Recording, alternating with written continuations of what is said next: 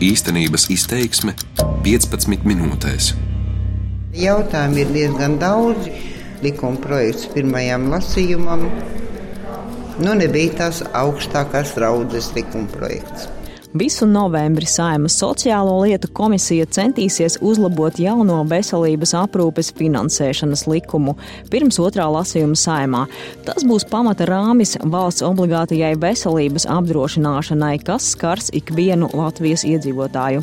Tās esence ir sociālo iemaksu sasaistē ar pieju veselības aprūpei.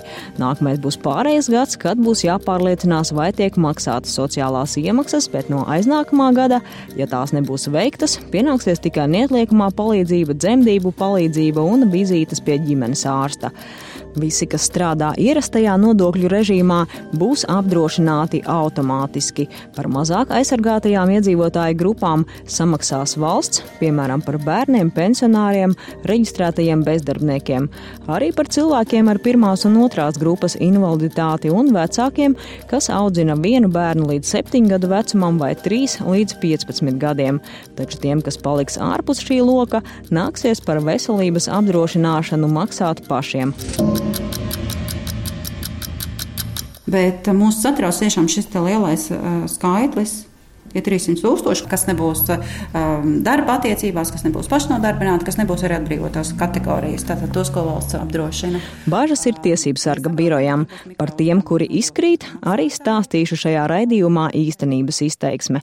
Mani sauc Laura Dzērve un kopā ar kolēģi Māri Klūgu uzrunājām cilvēkus, kuriem varētu būt jāmaksā brīvprātīgās ikmēneša apdrošināšanas iemaksas. Nākamgad tie būs 4,30 eiro mēnesī, aiznākamgad gan arī 3 13 eiro un 2020. gadā 21,50 eiro mēnesī. Tad tāpat kā līdz šim viņi varēs saņemt valsts apmaksātos pakalpojumus, maksājot vien pacienta iemaksu, nevis pilnu maksu. Pirmais stāsts - nestrādājošie auģu vecāki. Auģu vecāki nav darba līguma attiecībās, un par viņiem sociālās iemaksas šobrīd neveic. Sveicināti! Jolanta Semjonova dzīvo rozā krāsas daudzdzīvokļu namā Kandavas novada Zantes pagastā. Auģu mamma jau septiņus gadus, un tāpat kā katrs trešais auģu vecāks, viņa nestrādā. Kāpēc? Ilustrācijai stāsts par viņas pirmo auģu bērnu ar viņa jaunāko bilžu demonstrāciju telefonā. Tāds smukums nebija redzēts vēl Zantē. Meitenes viņa, nu vispār viņam bija iesaupa bīberu.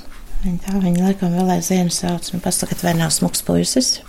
Vai te nevar noģībt? Viņš ir strādnieks, nu kāds viņš ir malacis. Viņš atbrauc no kartupeļu sastāda. Tagad Jolantas auģa dēlam ir 20. Viņš dzīvo Anglijā un strādā divos darbos. Kad viņš ienāca auģu ģimenē 13 gadu vecumā, atklājās, ka pusgada laikā viņš apmeklējis skolu tikai vienu dienu. Un ar to arī viņa skološanās bija beigusies. Man bija jāiet uz skolu, stundās jāsēž klāt, un, un tā es arī gāju. Septītās klases bērnam līdz pat devītajai ļoti daudz gāju, bet no skola beidz. Auģu mātei tobrīd 13 gadu vecā zēna ceļš bija jāpagriež uz citu pusi. Viņš atnāk man no skolas, un es saku, bet tu biji izlaboji atzīmes. Ai, nē, es rīt to darīšu. Mēs griezāmies riņķī, gājām uz skolu labot atzīmes. Šo rūpju un atbildības dēļ Jolanta vēl kādā darbā strādāt nevarēja. Sākumā gan centusies strādāt kā pašnodarbinātā, tirgojusi apģērbus, taču, kad auģu ģimenē ienāca pusotru gadu veca meitene, šo nodarbi atmeta. Tagad ir trīs auģu bērni, vienam trīs, diviem pieci gadi. Lūko Jolanta saka par darbu.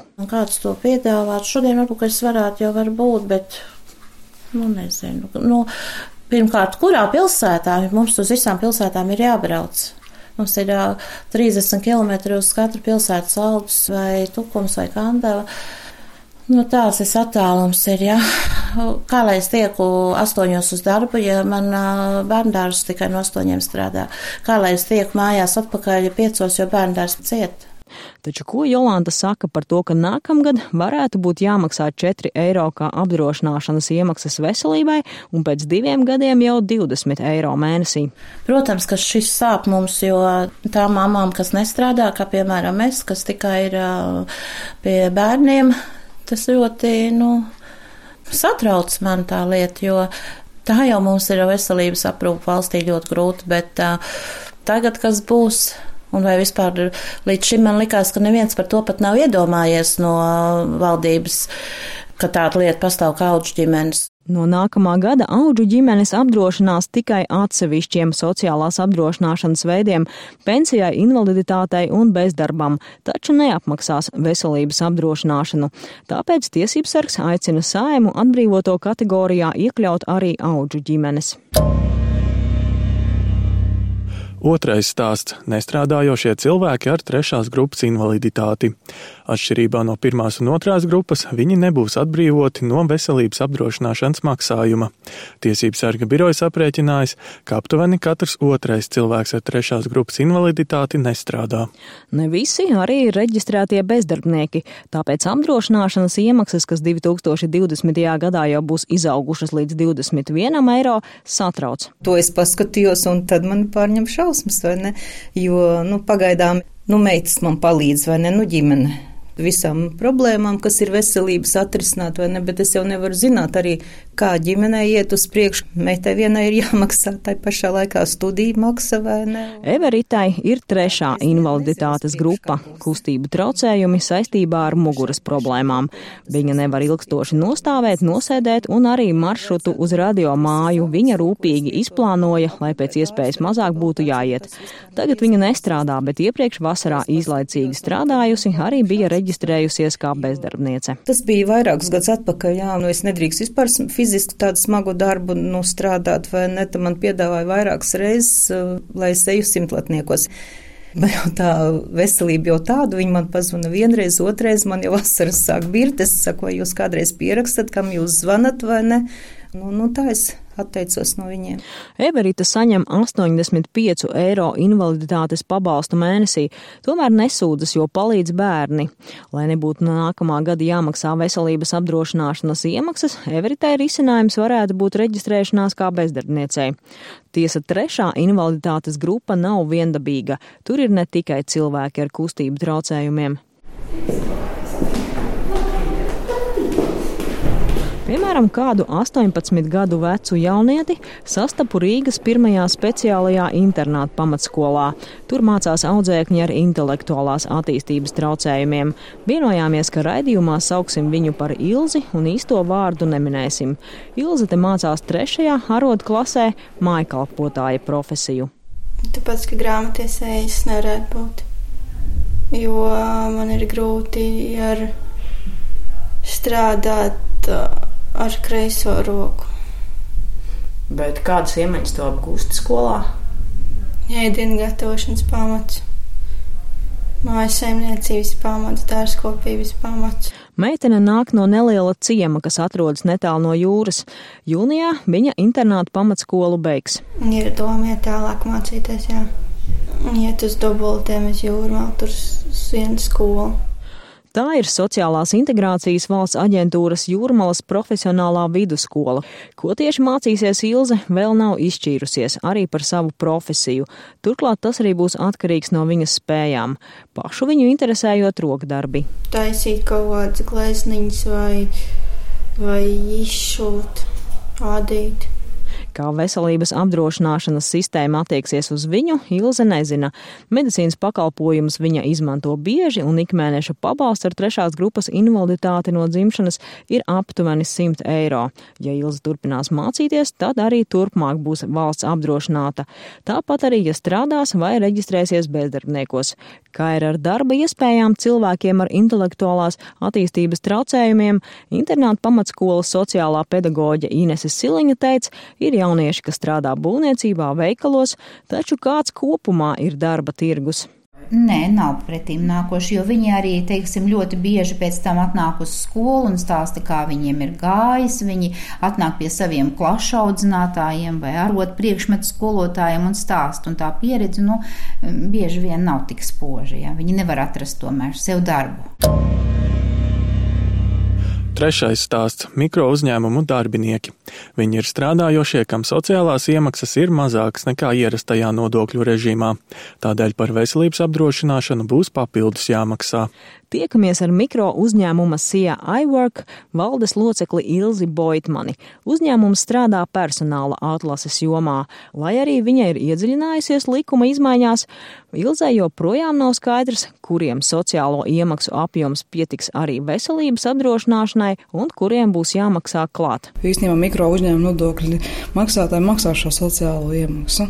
Un arī interesēties un konsultēties ar citiem uzņēmējiem un grāmatvežiem. Šobrīd, mm, godīgi sakot, nav īsti skaidrības, kas tad īsti būs. Veselības ministrijā gan norāda, ka mikro uzņēmumiem par veselības apdrošināšanu būs jāmaksā. Tos neskars sociālo iemaksu palielinājums par 1% punktu. Tomēr, ja 2020. gadā jaunais maksājums sasniegs 21 eiro mēnesī, Boitmane varētu meklēt izdevīgākus piedāvājumus pie privātajiem apdrošinātājiem, jo uz valsts veselības aprūpas pakalpojumiem jāgaida garās rindās. Vai kaut kas pēkšņi no 1. janvāra mainīsies? Kļūs kvalitatīvāki veselības medicīnas pakalpojumi. Smalka, jā. Nu, beidziet. Mums visi ārsti, visi mediķi brauc projām uz ārzemēm. Mums nav kas strādā vienkārši. Nu. Un šie pakalpojumi ļoti zemā līmenī. Nu, respektīvi, piemēram, ja tu pierakstījies ne pie ģimenes ārsta, bet nosūtījums tev ir kaut kur, ir jāgaida sakot no, no 4 līdz 6 mēnešiem. Es uzskatu, ka pakalpojums nav kvalitatīvs. Par veselības apdrošināšanu papildus jāmaksā būs arī autora atlīdzību saņēmējiem un cilvēkiem, kas izņēmuši patentu. Principu, ka daļa legāli nodokļus maksājošie veselības apdrošināšanu nesaņems automātiski, kritizē Tiesības sarga birojas. Tā pārstāve Ineta Rezevska uzskata, nav godīgi šīm kategorijām likt maksāt atsevišķi tikai tāpēc, ka valsts pati nav izveidojusi sistēmu, kā personas apdrošināt automātiski. Šobrīd ir radīts ārkārtīgs smagnējs administrācijas administratīvs mehānisms, kā viņi tā sistēmai varēs pievienoties. Pretējā gadījumā ir tāda netaisnības sajūta. Valsts šādu sistēmu ir atļāvusi tādos nodokļu režīmos darboties vienlaikus. Jūs pats sakat, nē, lauksaimniecības vai sezonāla darba veicēji mums īpaši nav tā kā vajadzīgi. Tieciet paši kaut kā galā. Tam nepiekrīt Saimas sabiedrības veselības apakškomisijas vadītājs Romualds Ražuks no vienotības. Mums vienreiz ir jāsaprot, ka, ja cilvēks strādā, viņam ir ienākumi 4,30 mēnesi, viņš var samaksāt. Un tas ir tas galvenais. Viņi ir satraukušies. Bet nu, tie, kas maksā nodokļus kārtīgi, tas pārējais divas trešdaļas, nu, viņas arī sāk satraukties, kāpēc viņiem ir jāmaksā par visiem kuras iedzīvotāju grupas atbrīvos no maksājuma par veselības apdrošināšanu, Saimas atbildīgā komisija vēl tikai vērtēs, skatot likuma projektu pirms otrā lasījuma saimā. Romols Ražuks sola, ka sarakstā būs arī personas ar trūcīgā statusu. Tikmēr Nacionālās apvienības deputāts Einārs Cilinskis rosina no maksājuma atbrīvot arī cilvēkus, kuri piedara Romu tautībai. Romi darba tirgū tiekot diskriminēti un tādēļ nodarbinātības iespējas viņiem nes nesot vienlīdzīgas ar citu tautību pārstāvjiem. Bezdarbnieku grupā Romi bieži neiekļaujoties, jo savu statusu nereģistrē. Tā bažas ir, ka ļoti liels skaits vienkārši par sevi neparūpēsies, reģistrējoties, kā nākās, un uh, var palikt ārpus šīs aprūpes. Un tas ir uh, faktiski tā kā pozitīvā diskriminācija, kas uh, ir nu, principā pieļaujama. Var secināt, ka līdz likuma pieņemšanai saimā par veselības apdrošināšanu vēl būs karstas debates. Ir daudz neskaidrību, un no iemaksām atbrīvotajām iedzīvotāju grupām varētu pievienoties jaunas. Turklāt personu lokus, kas dzīvos bez apdrošināšanas, visdrīzāk būs krietni mazāks par Latvijas darba devēja konfederācijas nosauktajiem 300 tūkstošiem, kas nemaksā sociālās iemaksas pilnā apmērā. Piemēram, ja mikro uzņēmējam ir mazi bērni, veselības apdrošināšana bērnu apmaksās valsts. Arī cilvēkam, kas visu algu saņem aploksnē, valsts veselības aprūpi nodrošinās, ja tam būs bērns vecumā līdz septiņiem gadiem. Par pamatu kategoriju sarakstam ņemts Lietuvas piemērs, kur apdrošināšana ir jau 20 gadu un apdrošināti vai apdrošinājušies esot aptuveni 95% iedzīvotāju, saka Romols Ražuks. Kas ir tie 5%? Droši vien ļoti, ļoti bagāti vai ļoti, ļoti nabagi, vai precīzāk sakot, cilvēki, kuriem neinteresē viņu veselība. Nu, tipisks piemērs - personas bez noteiktas dzīves vietas vai krievu valodā abreviatūra bomži. Šo raidījumu par veselības apdrošināšanu veidoja Laura Dzērve un Māris Klūga, par labskaņu rūpējās Krišjānis Tikāns. Darbības vārds īstenības izteiksmē izsaka darbību kā realitāti tagadnē, pagātnē vai nākotnē, vai arī to noliedz.